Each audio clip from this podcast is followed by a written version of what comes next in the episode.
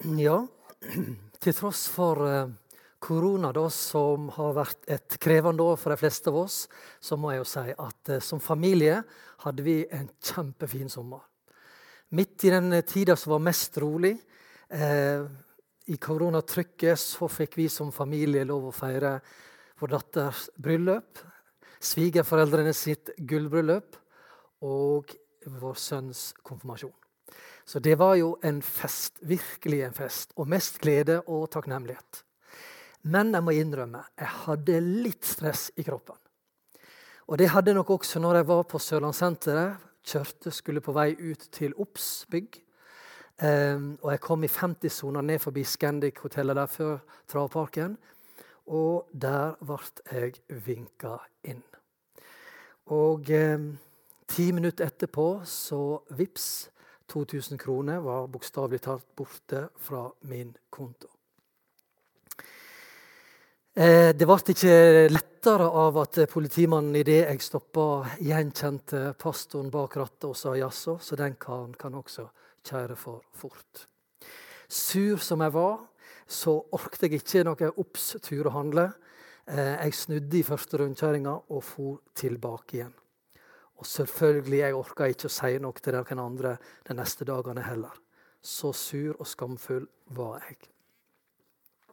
Vi er inne i en serie som handler om disippelliv. Det handler om å angre, det handler om å bekjenne. Um, og det er det vi skal snakke om i dag. Men før det så er det viktig at vi ikke går feil allerede fra hoppkanten. Fordi at um, kanskje du som lytter eh, egentlig ikke kjenner Jesus. Eller tror kanskje at du lever i et forhold til han. Og da er det vi snakker om her, eh, det her med å, å være en disippel, det med å følge Jesus, kan fort bli veldig strevsomt. Og det kan gå litt galt av sted. Derfor er det viktig å si det at det å gå til gudstjeneste eller være aktiv i en menighet, det å være positiv, det å kunne ting i Bibelen, det å gi gave, gjøre så godt en kan, eller ha kristne foreldre, Ingenting av dette der gjør oss til kristne. Nei, Bibelen er veldig tydelig på at det er noe helt annet, noe nytt som må til. Og Jesus sier at det må faktisk noe så radikalt som en ny fødsel til. Vi vet jo at fødsler kan være utrolig forskjellige. Noen føder hjemme, noen i bilen på vei til sykehus, og noen i sykehus. Noen for en fødselsprosess kan vare opptil et døgn eller to, andre har faktisk ikke visst at de har vært gravide før de omtrent har født. Så forskjellig kan en fødsel være. Og Sånn kan det være det å bli født på ny og bli en kristen også. Det kan være utrolig mange forskjellige måter det skjer på. Men det vil alltid inneholde disse tre elementene. En eller annen form for erkjennelse. Erkjennelse av at 'jeg har bomma'. Jeg har gjort noe galt. Jeg har synda. Og det er det faktisk synde betyr. Å bomme på målet. Og så vil det inneholde også en slags åpenbarelse. Det her med en forståelse av at oi, Jesus døde for akkurat meg og for mine synder. Og ikke minst det siste også mottagelse. Takk, Jesus. Og Dermed så får du en ny sjef, en ny herre, og du blir en læresvein, som det heter på nynorsk. En disippel. En som går og følger etter Jesus for å lære av han den beste livet som vi kan leve her på jord. Og Derfor så har jeg bare lyst til å si til deg at hvis ikke du er født på ny, og du lurer på om er du en kristen, ta kontakt med noen kristne du kjenner. Med noen av oss ledere her i menigheten, eh, så vil vi gjerne samtale med deg. Så Derfor så er det jo egentlig sånn at den talen her egentlig er til deg som er en kristen. Og Da er det et viktig spørsmål. Hvorfor skal vi da bekjenne? For vi bekjenner jo ikke for å bli kristne. For det er vi jo allerede. Um, fordi at, Husk på det at vi gjør jo mange ting, mange synder. Vi bommer stadig. Også ting vi ikke er klar over. Og Det er ikke sånn at vi er kristne, og så gjør vi noe galt, og til og med ikke vi klar over, og så er ikke vi kristne lenger, og så er vi tilbake igjen hvis vi bekjenner. Nei, som kristne, som disipler av Jesus, så bekjenner vi ikke først og fremst for å bli kristne. Nei, vi er jo det. Vi er Guds barn. Vi er født på ny. Så hvorfor skal vi da i hele tatt bekjenne våre synder. Og det er det vi skal snakke litt mer om. Men allikevel så må vi spørre oss er ikke egentlig alt det snakket om synd og om Anger, bekjennelse og nåde, tilgivelse, er ikke det avleggs? Vi er tross alt i 2021. Jeg syns at metoo-kampanjen har vist noe helt annet. Der ser vi at folk er ikke fornøyd med at noen står fram og sier at 'dersom jeg har såra deg, så er jeg lei meg'. Folk lengter etter, hungrer etter at noen skal ta ansvaret for det de har gjort. Og tenker det at gjennom at noen tar ansvar, så vil de lette de smertene som andre har påført dem. Og det ser virkelig ikke ut som gapestokkens tid er forbi. Den er nok mer levende nå enn noen gang før. Min tidligere pastorkollega Dagfinn Sterk har en, har en sønn som heter Bjørn. Og han bekjenner seg som ateist. Han skriver i sin bok det tok oss et par generasjoner å bli kvitt Gud og glemme den kristne teologien. Men vi er ikke i nærheten av å bli kvitt synden skylden, angeren, boten, tilgivelsen, frelsen og nåden. Vi har bare glemt hvordan vi skal snakke om det. Og Jeg tror han veldig, har veldig rett. Vi lever i en kultur som har kasta Gud som dommer, og vi har sett oss sjøl i dommersetet. Men når vi ikke klarer å leve opp til vårt beste, eller den beste utgaven av oss sjøl, eller utnytte vårt potensial og våre ressurser, for, selv om alle forutsetningene ligger til stede. Ja, hvem skal da reparere oss? Hvem er det vi da skal gå til? Det er ingen plass for noen nåde. Og skammen bare øker. Og så lurer jeg meg på om vi kanskje har en hel generasjon av ungdommer som blir smitta av reality-serier på TV. Det er behov for å blotte det, det meste, kanskje skjule masse egen skamfølelse. Så jeg tenker det at de ordene her og bekjennelse er virkelig aktuelt også i vår tid. Vi trenger det mer enn noen gang for at vi og andre skal få komme i kontakt med en Gud som frelse. Og da er vi inne i temaet vårt. Og vi begynner med 'Hvorfor skal vi bekjenne?' Og Vi har allerede hørt teksten lest av Ingunn. Og vi tar og leser det likevel en gang til. Dette er budskapet vi har hørt av ham, og forkynner for dere. Gud er lys. Det finnes ikke mørke i ham. Sier vi at vi har fellesskap med Han, men vandrer i mørket, da lyver vi og følger ikke sannheten. Men dersom vi vandrer i lyset slik Han selv er i lyset, da har vi fellesskap med hverandre. Og blodet fra Jesus, Hans sønn, renser oss for all synd. Sier vi at vi ikke har synd, da bedrar vi oss selv, og sannheten er ikke i oss. Men dersom vi bekjenner våre synder, er Han trofast og rettferdig, så Han tilgir oss syndene og renser oss for all urett. Sier vi at vi ikke har synd, gjør vi ham til en løgner, og hans ord er ikke i oss. Så Hvorfor skal vi da bekjenne synd? Jo, Ingunn var egentlig inne om det i det hun delte med oss her tidligere. Og Det ser vi her også i teksten fra vers 7. Dersom vi vandrer i lyset slik han selv er i lyset. Den første grunnen handler om relasjon til Gud og menneske. For det er jo det synd gjør. Synd skaper avstand. Avstand mellom oss som medmennesker og avstand mellom Gud og oss. Så det handler ikke så primært om at vi får tilgivelse for å bli frelst, men det handler om at når vi erkjenner det som har bygd murer oss imellom, enten til Gud eller medmenneske, så vandrer vi i fellesskap med hverandre. Og vi vandrer i fellesskap med Gud. Når vi vandrer i lyset, For Jesus han er i lyset. Men når vi lar synd få innpass hos oss, så gir vi rom for mørket i oss. Og der er jo ikke Jesus. Han kan komme inn i vårt mørke, men han lever ikke i mørket. Men ved at vi får lov å bekjenne, vi får lov å si det sånn som det, erkjenne våre feil, våre nederlag, så får vi lov til igjen å gjenopprette vårt fellesskap med vår, både Gud og menneske. Så det var den ene grunnen til hvorfor. Den andre grunnen handler om noe vi leser i Jakob 5. Der står det 'Bekjenn da syndene for hverandre og be for hverandre, så dere kan bli helbredet. Konteksten det her står i, handler om fysisk helbredelse. Men Bibelen er veldig tydelig på at vi er en sammenheng mellom ånd, sjel og kropp. Det er det å være et medmenneske. Så her handler det mer om at det å bekjenne våre synder handler om at vi får lov å bli hele. Vi får lov til å bli fri, vi får lov til å lære, og nettopp det å, vokse. Mange som ikke er kristne, sier at ja, men dere kristne kan jo bare, måte, bare bekjenne synd, og, og, så blir dere tilgitt, og så lever dere som, som før. Ja, nettopp. Da har vi virkelig misforstått det kristne budskapet. Og vi har misforstått hva det vil si å være en disippel av Jesus. For da vil vi holde fast på at vi ønsker å lære av han. Vi ønsker at han skal få lov å fylle oss og prege oss. Og da ønsker vi å, å vokse til modne kristne, modne etterfølgere av Jesus. Og da får vi lov til å erkjenne det akkurat sånn som det er. Vi får lov til å være avslørt. Vi får lov å slippe å skjule oss og kjenne på skammen. Vi får lov å stå der oppreist fordi at vi får lov til å få en ny start, og vi får ikke minst lov å lære.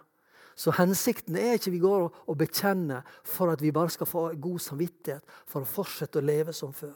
Nei, vi ønsker å få en ny retning. Vi ønsker å handle annerledes. Vi ønsker ikke å, å havne inn i de samme grøftene som vi har gjort før. Og ikke minst, i det får vi kraft til et nytt liv. Synd er ikke bare et feiltrinn. Det avslører noe av hvem vi er i vår syndige natur, som menneskeopprinnelighet, at synd kom inn. Og gjennom å få lov til å leve i bekjennelse, så får vi stadig lov å lære å leve nytt og leve annerledes. For Jesus han vil jo ikke bare frelse oss for at vi skal fortsette å være i synd og være bundne av det. Men vi skal få lov å bekjenne det og bli fri fra det, bli hele og gjort hele av Han. Derfor så trenger vi å holde fast på og fortsette å bekjenne vår synd. For at vi kan få lov å leve nytt og leve annerledes. Så hvordan da? Ja, bare ta det og repetere. Det handler hvorfor? For å bevare fellesskap med Gud og mennesket. og for at vi skal få erfare en større helhet. Vekst, modning, endring og frihet i å leve et annerledes liv. Det skal vi komme tilbake til litt mot slutten. Men hvordan skal vi bekjenne? Da er det noen viktige ting vi må ta med. Det første handler om å skille mellom falsk og ekte skyldfølelse. Hvordan kan vi gjøre det? Jo, fordi vi kan skille det mellom og gjerne spørre seg sjøl Det jeg kjenner en skyldfølelse for, er det noe jeg kan reparere? Eller er det bare noen ulne følelser på en eller annen måte? For hvis det ikke er noe du kan reparere i det, noe du kunne gjort annerledes i det, så kan det hende at det egentlig er en falsk skyldfølelse. Og det henger veldig sammen med en, en eh, fordreid skamfølelse som ofte handler mer om at 'jeg er ikke god nok', 'jeg får ikke ting til', eller 'aldri går det bra med meg', eller noe av den der som egentlig ikke handler om en ekte skyldfølelse. Fordi at eh, dermed så vil du bare bekjenne og bekjenne deg inn i den samme skammen som ikke hjelper deg noen vei. Men den ekte skyldfølelsen, der ser du og erkjenner du at der kunne du ha gjort noe annerledes. Du bomma. Det andre handler om å skille mellom sorg og selvmedlidenhet. Jeg vet ikke om du hørte det i historien jeg delte til å begynne med. At det var ikke veldig mye sorg jeg hadde over å bli tatt eh, i og kjørt for fort. Du hørte egentlig mest selvmedlidenhet. Selvmedlidenhet av at jeg var blitt avslørt, litt skam lå i det. Og at 2000 kroner vips var ute av lomma. Så det var mer enn selvmedlidenhet. Sorg, det er noe annet. Det er en oppriktig sorg over at du har gjort noe som har krenka, som såra enten Gud eller dine medmennesker, eller begge deler oftest. Se for deg et par som kom i terapi fordi at han har blitt avslørt og levd i utroskap. Så kan det faktisk risikere Han har fått kniven på strupa, og kona har sagt hvis ikke vi går i terapi, så er det over og slutt. Og Da kan du risikere å møte en som har mer selvmedlidenhet over å bli avslørt, mer enn egentlig en oppriktig sorg over smerten han har påført sin kone. Og du kan garantere at den relasjonen ikke blir helbreda, uansett hvor lenge en går i terapi, hvis ikke det endrer seg. Selvmedlidenheten handler om, gjerne ofte òg om skam over at ting er blitt avslørt, og konsekvensene av det. Mer enn en oppriktig sorg over det du har gjort og påført andre. Og Det henger veldig tett med det som er det neste punktet her, som handler om å forandre perspektiv. Fordi ordet 'bekjenne' i 1. Johannes 1 her, som vi las, det er det greske ordet 'homologeo'. Og Det kommer av ordet 'homo', som betyr jo det samme, og 'logeo', som betyr ord eller å seie. Så Dermed så betyr det å bekjenne handler om å seie det samme som. Og hva handler det om å si det samme som? Jo, som Guds ord sier. Det handler om at ikke du du forsvarer deg sjøl, som du hørte jeg gjorde også. Du hørte at Jeg svarte, forsvarte meg med at jeg var litt stressa. Ikke sant? Og Det var ingen egentlig å ta ansvar for det jeg hadde gjort. Og Jeg forandra ikke egentlig perspektiv på det. Homologea og bekjenne handler om å se det fra Guds perspektiv og våre medmenneskers perspektiv. Det Guds ord sier, er synd.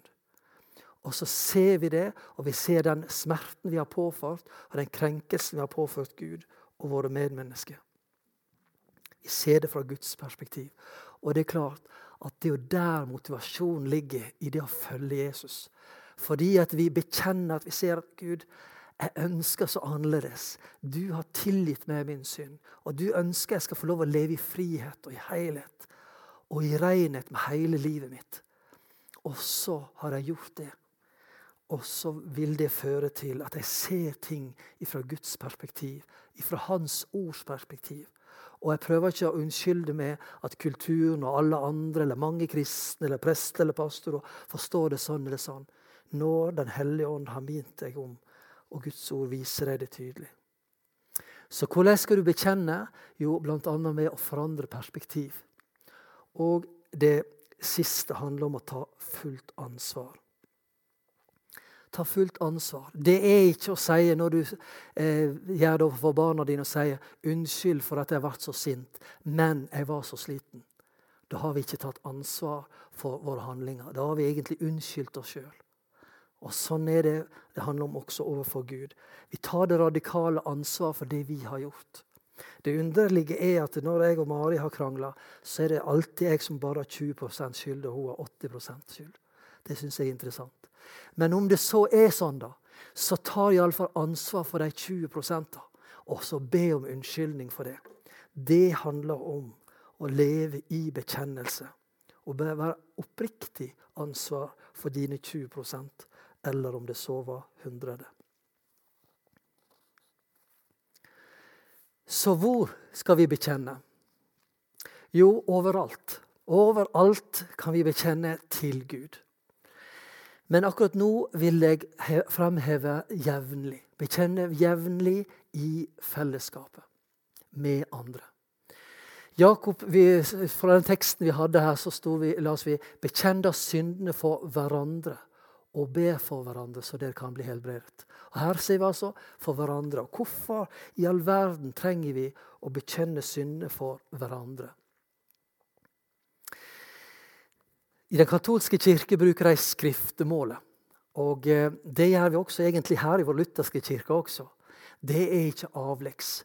Selv om det kan se ut som på mange TV-serier, eh, hvor da mafiabossen kommer og sier 'Fader', sier han, og så bekjenner han drapet som han snart skal utføre. Men, men, det er klart at det er noe annet enn skriftemål. Og For meg er det fantastisk opp gjennom årene å fått lov til å legge hendene på så mange individuelt, og gjerne også unge par som skal begynne et liv sammen. Og så har de fått lov å komme til å bekjenne ting som har ligget mellom dem, eller som den ene eller den andre bærer på. Og så får de lov å si det ut, og så får de lov å legge hendene på dem. Og så får de lov å si i Faderens og i Sønnens og i Den hellige ånds navn. Så tilgir jeg deg alle dine synder. Og så tilføyer jeg det vil glede Han om du tar imot Hans nåde. Og Det å få se blikkene da, på ansikt, det er ansikten som endrer seg. Du ser Det kommer en ny glede. Du ser det kommer en lettelse over deg. Og jeg lurer meg på om det er noe der som skjer når det er hud og hud, menneske og menneske. Og disse her som har kommet og bekjent, har gjort det for Gud mange ganger. Men det ser ut som at det, det skjer en annen frihet og en forløsning når vi får lov å dele det med hverandre i fellesskap. Enten til ett menneske, en leder, en eldste her, eller pastor, prest, eller noen i ei gruppe, noen venner. Det ser ut som det skjer noe av forløsning og frihet når vi får lov til å være ærlige. Vi får lov å være sånn som det. Og vi får slippe den behovet for å skjule oss for hverandre. Men vi får stå fram som det vi nettopp er, som mennesker. Og det å være menneske, det å feile. Og det gjør vi. Og der ligger jo en utrolig hemmelighet. Hvor det hjelper oss til å ta imot den nåden fra Gud som vi faktisk erfarer. Og det hjelper oss til å slutte å skjule oss for hverandre. Og så begynner vi å bygge ekte relasjoner. Og fellesskap som er attraktivt for andre. Fellesskap som er ærlig på livet sånn det virkelig er. Så det å bekjenne, hvor hen skal vi gjøre det hen? Jo, overalt til Gud, men også i fellesskapet til andre. Og når vi kommer til det å dele det i fellesskap med andre, så har jeg lyst til å ta frem igjen noe som vi jobba med her i menigheten for flere år tilbake. Hvor vi jobba med noe som vi kalte livsnøkler, og en av dem var læringssirkelen. Og Den berører noe av akkurat det vi har egentlig snakka om. Det handler om at vi, vi, får lov til å observere hva er det som, som skjer med oss, f.eks. Og vi reflekterer over at eh, f.eks. det er det da, vi har blitt såra av noen. Og vi begynner bære, begynner, en bitterhet begynner å komme inn. Og så diskuterer vi, og der ligger bekjennelsen. Hvor vi bekjenner for andre. Vet du hva? Nå ser jeg at jeg ble så såra av den, og bitterhet begynner å vokse fram. Og så får vi i fellesskap lov til å legge en plan. Hva er det jeg trenger å gjøre akkurat nå i den situasjonen her? Og så har jeg noen som er med og holder oss ansvarlig. Og da ikke med den pekefingeren her, men som er med og holder ansvarlig i bønn. Og som heier på deg, og som treffer deg igjen.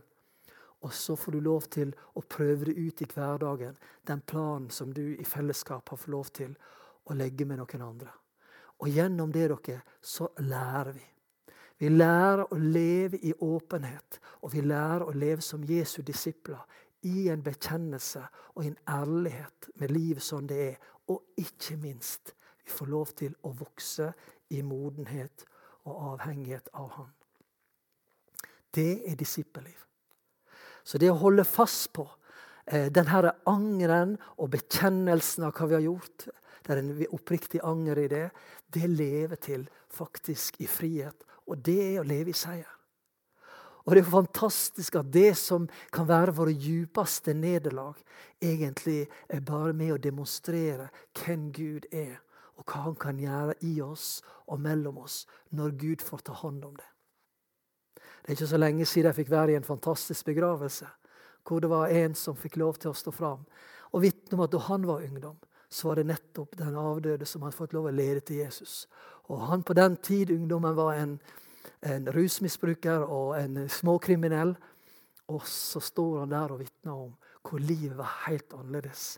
Et opprørt menneske fikk lov å bruke sine talenter og gaver og har ledet mange andre til Jesus. Jo, nettopp med å bekjenne og ta imot Jesus og si livet sånn som det virkelig er, så får det lov til å bli den radikale nye starten. Og for en seier som det har vært.